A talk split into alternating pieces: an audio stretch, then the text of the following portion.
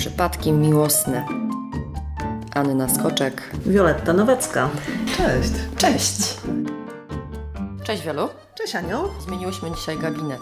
A, ale tu miło. I zmieniłyśmy trochę y, miejsca. Ja siedzę tym razem na fotelu, a ty na kanapie. To jest zaskakujące. Będzie e, inny punkt widzenia, ponieważ zmienił się punkt siedzenia. Zawsze taka świeżość. A my gadamy dalej o przypadkach miłosnych. No dzisiaj może nie będzie o takich zaskoczeniach, bo chciałabym z Tobą porozmawiać na temat, który kiedyś poruszyłyśmy w trakcie innego materiału, o takiej desperacji w szukaniu. Często zdarza się tak, że kobiety zniechęcone może już milionem randek albo zniechęcone jakimiś przykładami kiepskich facetów poznanych w życiu, biorą co dają. Ty to nazywasz po swojemu. Ellen Rzet. Lepszy ten niż żaden. Taka kategoria. Dziewczyny z desperacji to robią. Desperacja to taki znak naszych czasów, bo kobiet jest w ogóle więcej. Ciągle więcej. I ponieważ kobiet jest więcej i w dodatku kobiety bardziej pragną kochać niż mężczyźni, to dlatego desperacja częściej spotyka kobiety. One bardziej pragną i ich, ich jest więcej. I to takie proste jest, a zarazem smutne. Bo desperacja to nic miłego. I w tym momencie można powiedzieć, że jakby wymagania dotyczące mężczyzny tego Pikują w dół. wymarzonego już są żadne, tak? Mhm, tak. Spuszczamy z tych swoich oczekiwań i bierzemy się za pierwszego lepszego, o, żeby na przykład nie być samotną, albo żeby odczepili się z plotkami, a to rodzina, a to jakaś społeczność, żeby ktoś zazdrościł inne koleżanki, co są też same. Wiesz, pobudek jest dużo, ale większość z nich to takie pobudki smutne, nie? Do jakiej ściany trzeba dojść i co w sobie trzeba zrobić takiego, żeby założyć sobie? To jest tak, że kobiety sobie zakładają w pewnym momencie, że pierwszy facet, który się mną zainteresuje, Nie, to też jest jakiś rodzaj zmiennej, że kobiety też często bi- biorą lepszy ten niż żaden, dlatego że sobie coś założyły, o, że czekają na przykład, żeby wiem, założyć koniecznie rodzinę o jakiejś porze swojego życia, albo żeby koniecznie tą prokreacji dokonać. To też jest jedna ze zmiennych, które jakby zmusza ich, żeby obniżały te swoje marzenia i już brały cokolwiek tam im przyjdzie. To kolejny powód, nie? że kobiety też czasami bardzo pragną tych dzieci. Czasami są nie wiem, zmęczone poszukiwaniami i na przykład z jakiegoś powodu przestają wierzyć, że ten najpiękniejszy, najważniejszy gdzieś dla nich jest. a warto Ale- w to wierzyć? To nie, Nie, jest to- tak, że ten obraz takiego właśnie wymarzonego księcia z bajki Nie, to może nie też chodzi o księcia, wiesz, to nie chodzi o księcia, chodzi tylko o to, żeby wiedzieć, o czym się marzy, kto jest dla mnie ważny, kto mi się podoba, Jakie cechy powinien jakie mieć? cechy powinien mieć, bo wtedy, wiesz, jak celujemy w coś, co jest dla nas ważne, no to wtedy możemy być szczęśliwe. Jak obniżamy te loty, no to wtedy nie możemy być szczęśliwe, bo jak? Przez chwilę jakoś tam spełniamy plan, nie? Co z tego, jeśli to jest takie przestrzelone? No to mamy tak, kobieta poznaje takiego faceta, obniża swoje wymagania, jakiekolwiek marzenia dotyczące partnera, z którym mogłaby być szczęśliwa do minimum. No i co się dzieje w takim związku? Da Przede się wszystkim, udawać no na nie, dłuższą no, metę? No nie da, bo to przecież tam nie ma miłości. Desperacja to nie miłość. Te kobiety zazwyczaj, no żeby w ogóle obniżyć swoje loty, no to moim zdaniem to nie, nie licuje z taką miłością własną. To zawsze coś mówi o tym, że nie kochamy się za bardzo, jak musiałyśmy tak bardzo się pożegnać z marzeniami, żeby wziąć cokolwiek. Bo to zawsze źle mówi o naszej miłości własnej. No to tam nie może być miłości w, w dwie strony. Związki oparte na, albo na rozpaczliwych pragnieniach, albo na strachu, że czegoś nie będę miała. To nie jest miłość. To, tam nie może być szczęścia. Więc one, te związki nie są szczęśliwe zwyczajnie. A to jest potem też często tak, że taki kandydat jest wybierany, nie wiem, żeby miał pieniądze, żeby dobrze wyglądał, jest jakaś inna cecha, Wiesz, która zaczyna dominować nad tym. Dobrze by było, żeby to tak działało, ale jak my z desperacji, czyli z braku własnej miłości, wybieramy kogokolwiek, to ten ktoś nie ma cech lepszych od nas, w cudzysłowie. Czyli nie będzie nas niańczył, woził i obdarowywał, tylko jak wybrałyśmy go dlatego, że myślimy, że nic lepsz- lepszego nam się nie trafi, to to zazwyczaj jest kategoria, ja to nazywam kaczuszki z kulawą nóżką. To taki facet, który albo nic nie ma, albo nic nie wie, albo nic nie może, albo mało co, albo jest zajęty czymś innym, albo jakąś inną. Wiesz, no takie coś jest. I wtedy się przymyka na to oko, na te jego No tak. I wtedy ona wchodzi w rolę dawcy, bo ona z desperacji popełniła ten związek, a on sobie pobiera, co tam ona ma, a zazwyczaj ma dużo różnych fajnych tam zasobów. No i te nierówności zaczynają się tak, on dostaje, ona, ona nie dostaje, to za jakiś czas przestaje to być fajne dla wszystkich. No, No, dla niego się- nie, no dla, dla niej, nie? No ale potem się na przykład pojawia ślub, dzieci i jakieś kolejne, że tak powiem, Ugrzęźnięcie. Bo ja to nazywam kolejny powód do ugrzęźnięcia. ale kolejne punkty na takiej checkliście życiowej. Mhm. Ślub odhaczone, dzieci odhaczone. Chciałabyś być dzieckiem z takiej rodziny? No nie. No, tam, gdzie nie ma miłości jest, i są odhaczenia, to tam dzieci nie przychodzą szczęśliwie na świat i się nie, nie rozwijają szczęśliwie. Sobie może i żyjemy w powinnościach i nasze ego tam triumfuje raz po raz i poczucie ambicji, ale dalej jest to życie smutne. Smutne dla tych ludzi, dla tych partnerów, dla tych dzieci. Kolejne Nawet dla psów, które tam się przyjdą do tej rodziny. To też jest smutne. Wszystko rodzi jakieś niezdrowe e, relacje międzyludzkie. No i kolejne pokolenie wzrasta bez takiego jakiegoś takiego fajnego wzorca miłości. No tak, dzieci urodzone w rodzinach, w którym nie było tej takiej no, prawdziwej więzi, no po prostu jej nie znają. One nie mają jak się jej nauczyć, więc wychodzą do dorosłego życia z tymi deficytami. No wiesz, żeby z powrotem stworzyć własne wzorce szczęśliwych związków, nie mając tego w, w rodzinie, to trzeba naprawdę przejść porządną psychoterapię, żeby coś takiego nowej jakości znikąd stworzyć. Więc te dzieci też mają trudniej. Czyli można powiedzieć, że ci rodzice jedno drugie trochę tak egoistycznie do tematu. Wiesz, to jest sztafeta wielopokoleniowa. To są te schematy, z które pewnie Ellen Red nie, przy, nie przyszedł z tego pokolenia, tylko już z poprzedniego, że nauczyłyśmy się gdzieś, że musimy obniżać swoje tam oczekiwania i brać od życia co popadnie, bo ten, z tym schematem na pewno się nie rodzimy. No dobra, to tak. Po jednej stronie tej szali mamy lepszy ten niż żaden, a po drugiej stronie mamy wymarzonego, wyśnionego mężczyznę, ideał, z którym chciałybyśmy spełnić życie. A to druga iluzja też. No właśnie. Drugi, stro, druga, drugi biegun, że tworzymy sobie jakieś fantazje, iluzje oparte na jakichś harlekinach, jakichś takich właśnie marzeniach dziew- wczesnodziewczęcych. Stworzymy sobie wizję tego, kto według nas musi być idealny, a często idealniejszy od nas. I dlatego do nas nigdy nie może przyjść, bo jeśli sobie w ten sposób tworzymy wizję, że ten ktoś ma nam zrekompensować własne braki i w ogóle nie mieć żadnych wad, to jest to mężczyzna, który nie istnieje. Czyli przy, przy spotkaniu każdego kolejnego faceta po prostu rozczarowanie murowane. Tak, murowane. Pierwsza, druga randka, koniec. Następny, następny. Tak, to jest to przegięcie w tworzeniu zamówienia i życzenia detalicznego i per, takiego perfekcjonistycznego na własnego mężczyznę. Tego tak naprawdę nigdy do końca nie wiemy, kto do nas pasuje. Mi raczej chodziło o ustalenie z grubsza, jakie on musi reprezentować wartości, może jak mniej więcej fizycznie, żeby jakiś typ chociaż reprezentował, który nam to ciało będzie na, na, nasze reagowało na niego. Z grubsza rzeczy najważniejsze dla nas.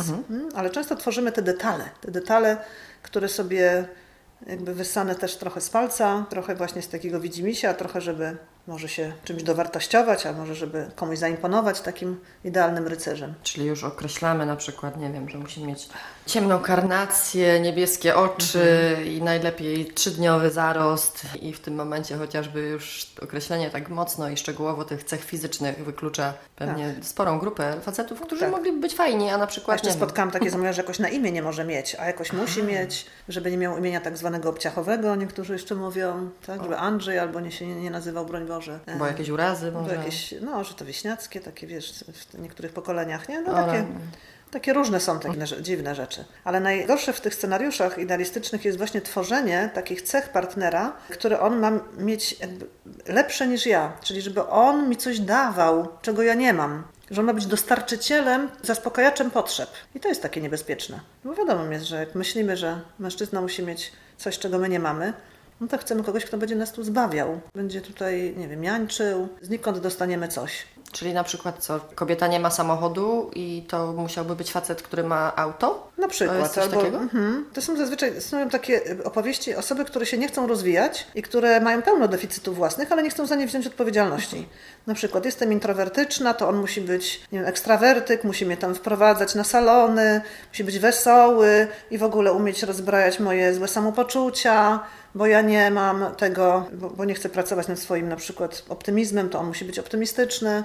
Takie roszczeniowe trochę, wiesz, ja tu jestem jaka jestem, a on tam musi mi donosić, a to kasę, a to właśnie humor, a to nie wiem co, intelekt, że musi być nie wiadomo jeszcze jak tam rozwinięty inte- intelektualnie, a to mi czegoś uczyć. Ja jeszcze słyszałam takie e, na przykład z tych wymagań, nie wymagań, czy tam takich swoich marzeń, że takie też wykluczające e, sprawy, czyli na przykład nie może być Sprzeczne. księgowym, nie może być programistą, informatykiem. I to chyba już są takie stereotypy, co? które gdzieś tam w naszych głowach się zrodziły, że Tak. każdy księgowy jest nudny. Stereotypy, a czasami nasze, wiesz, nieudane poprzednie związki, że się blokujemy i kategoryzujemy sobie, że wtedy, wiesz, każdy księgowy, który mi przypomina mojego byłego Andrzeja, to zawsze będzie taki sam ciul, nie? To też są uprzedzenia, które budują później te idylliczne zamówienia. A czasami też tworzymy sobie sprzeczne y, oczekiwania, nie? Musi być, nie wiem, czuły, ale macho. Wrażliwy, ale zarabiający miliony. Wiesz, często kobiety jakby nie mają pojęcia o tym, jak mężczyzna, męskość męska jest zrobiona, czy i sobie budują jakby dwa w jednym, że on ma być super męski i mieć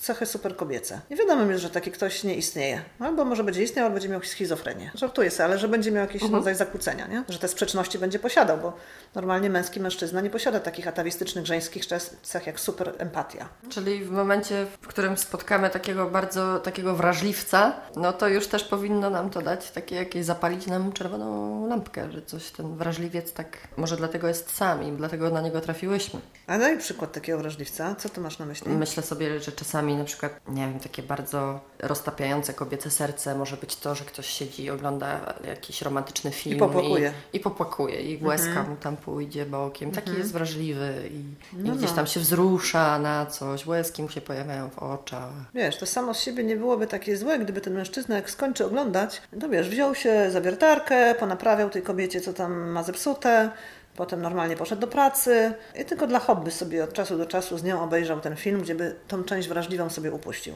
Ale kobiety często zachwycają się tym, że on podobnie tak jak ja popłacze sobie i już nie patrzą na to, że on tej wiertarki później już naprawdę nie chce wziąć, tylko nie wiem, ciągle robi te rzeczy, którym będzie musiał płakać.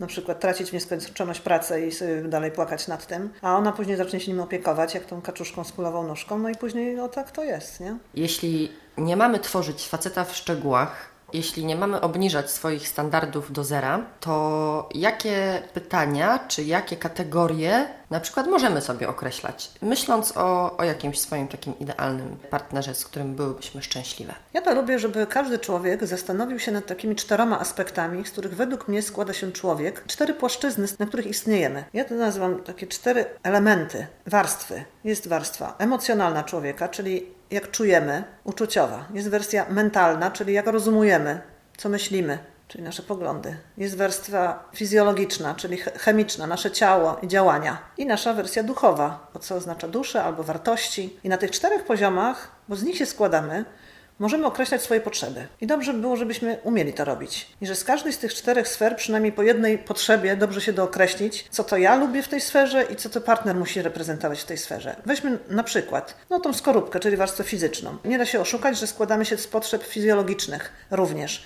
I że warstwa seksualna i to, co rozumiemy chemią cielesną, jest też bardzo ważnym aspektem tworzenia związku. Więc dobrze by tu słuchać własnego ciała. Co to ono w ogóle chce, lubi, nie lubi. Nie? Na przykład w ciele jest coś takiego jak chemia. Dobrze jest znać swój typ, który działa na moje ciało. Jak ja lubię, żeby mężczyzna, nie wiem, wyglądał albo pachniał może, albo żeby mnie dotykał. To zależy też co, nie? Bo dla niego każdego wszystkie te spektrum są ważne, ale któreś z nich na pewno są, należą do jakichś potrzeb które w finale będą się składały na potrzeby cielesne. Albo nawet jeśli to nie jest seksualne, bo możemy nie lubić seksu, to żeby na przykład w tej sferze fizycznej zastanowić się, co ja lubię robić z moim partnerem, czyli to, co moje ciało w finale może wykonywać razem z kimś. Na przykład sfery zainteresowań wspólnych, jak dzielimy czas, czy tam lubimy jeździć na rowerze, czy no co, co ciało nasze razem lubią robić. No i dobrze jest wiedzieć, że nasze cielesne zainteresowania są jakieś i że mhm. tam możemy mieć potrzeby. I żeby określić je u siebie, a zatem mogę sobie wyobrazić, jaki partner będzie do Czyli mnie też pasował. nie naciągać, tak? Swoich na przykład jakichś czy nie próbować się dopasować do kogoś, kto, kto, kto ma zupełnie na przykład inny tryb życia. Mhm. Czyli na przykład my jesteśmy aktywni, a ktoś lubi leżeć na kanapie, albo odwrotnie. Mhm. Czy kobieta jest typowym kanapowcem mhm. i nagle dostaje jakiegoś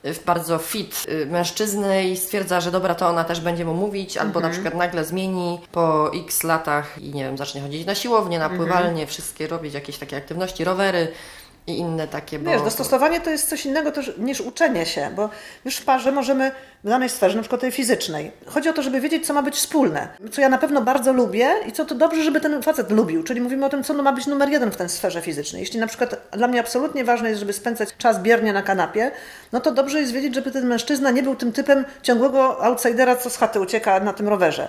No bo wtedy będę ciągle, ciągle sfrustrowana. Nie? Żeby albo sama. Albo sama. Wiesz, żeby chociaż tą jedną rzecz tej fizycznej oprzeć na tym, co ja naprawdę bardzo lubię i mam. A wtedy te inne, jak już mogłyby mniej ważne, te cielesne, to możemy się na przykład od siebie nawzajem uczyć. Czyli inspirować się nawzajem, że on coś wniesie innego, ja coś innego do tego ciała, on nauczy mnie czegoś innego robić, tak? Ale żeby tej najważniejsze rzeczy nie tracić z oczu u siebie samej, żeby siebie zapytać, co moje ciało tam najbardziej, albo bez czego ja tu żyć nie, nie mogę, jeśli chodzi o tą warstwę robić czy zachowywać się, tak? I tak samo w tej sferze takiej fizyczności, można powiedzieć, tej zewnętrznego wyglądu, bo Tak. ja na przykład wielokrotnie spotkałam się z czymś takim, że mężczyźni szydzą, szczególnie ci niż, niżsi, żartują sobie trochę z tego, że kobiety czasami mówią, że lubią jak facet jest wyższy. Nie? I- A to jest Tak. też taka kwestia tego, że, że czasami... Mamy prawo no, no, mhm, bo- się czuć bezpiecznie tak, przy no. wysokim na przykład. Ja uważam, żeby dziewczyny akurat uważały na, na taką potrzebę, bo akurat wzrost wydaje mi się jakąś taką atawistyczną, ważną zmienną dla atrakcyjności, dla poczucia atrakcyjności tej płci przeciwnej. Więc niedobrze jest to, wiesz, stracić z oczu tylko dlatego, że facet to wyśmiewa, że to jest nieważne. To ważne, co dla kogo jest ważne, nie?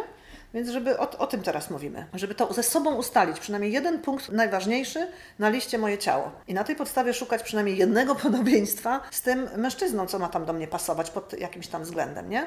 Czyli będę wiedziała, że coś musi być podobne, a coś tam będzie, będę się albo uczyć, albo przymknę oko. Ale wtedy nie będzie mi już boleć, bo będę wiedziała, że przymykam oko na coś drugorzędnego, a pierwszorzędne dostaję. I tak samo jest z tymi innymi warstwami. Zobacz, mówiliśmy fizyczną, a mamy strefę emocjonalną. No wiadomo, że w strefie emocjonalnej z facetami nigdy się nie dogadamy jeden do jednego, bo emocjonalność kobieca jest o wiele bardziej złożona i mamy tego więcej, więcej potrzeb emocjonalnych niż, mę- niż mężczyźni w ogóle. Tym się różni też żeńskie od męskiego, że oni w tych emocjach nie są tacy rozkręceni, ani nie jest to im takie potrzebne. No ale szukajmy, nie? Zastanówmy się, co u mnie w tych e, warstwie uczuciowej jest bardzo ważną potrzebą. Jeśli na przykład bardzo lubię rozmawiać, moja potrzeba em- emocjonalnego dzielenia się, wypowiadania tych emocji, czyli na przykład jestem ekstrawertyczką albo w ogóle bardzo lubię mówić, nie?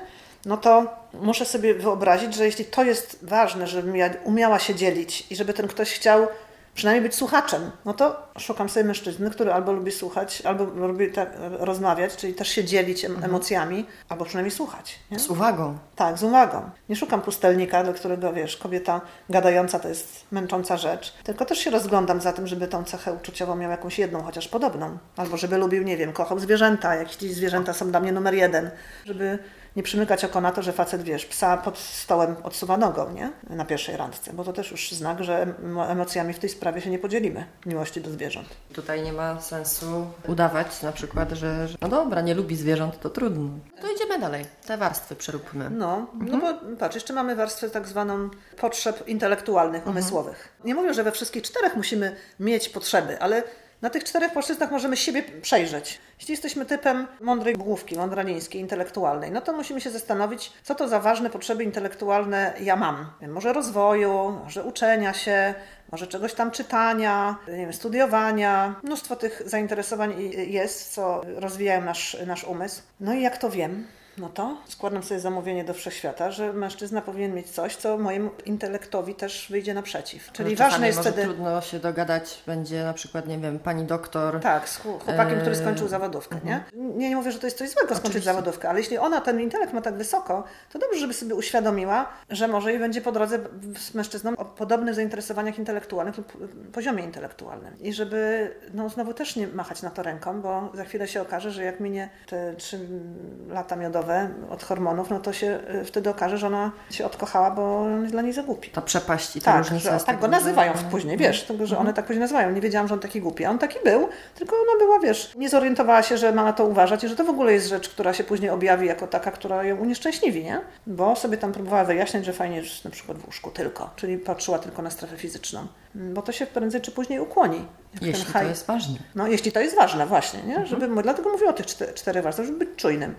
A już w ogóle najważniejsza warstwa na świecie, o której ludzie w ogóle nie myślą, jak się ani zakochują, ani zbliżają, ani się łączą w pary, to jest ta warstwa duchowa, czyli o tym, żeby chcieć wiedzieć, jakie wartości są najważniejsze w moim życiu. Co ja w ogóle, Wiola, co jest dla mnie najistotniejszymi wartościami w życiu. Wiesz, to się też zmienia w trakcie różnych faz życia, ale dobrze jest zastanowić się, co u mnie teraz na przykład się naj, naj, najważniejszą wartością jest. I to jest coś innego niż, wiesz, cele albo czynności, tak jak w tamtych innych warstwach. To są takie ważne zagadnienia, takie jak na przykład, czy w danym momencie mojego życia najważniejszą wartością jest wiem, rodzina, czy też rozwój, czy kariera, czy wiem, zdrowie, czy uroda. Fajnie jest sobie to powiedzieć, co się liczy najbardziej. Ja nie mówię, że mamy tylko jedną wartość w życiu najważniejszą, ale dobrze jest zdać sobie sprawę z takiej czołówki pięciu najważniejszych zagadnień, które reprezentują na danym poziomie życia mnie. Ja kiedyś miałam okazję spotkać się kilka razy z mężczyzną, dla którego okazało się, że najważniejsze w życiu są pieniądze. Nic, po prostu tam były pieniądze, długo, długo, długo nic i jakby nie wiem, co było nawet dalej, bo nie miałam okazji się dowiedzieć, ale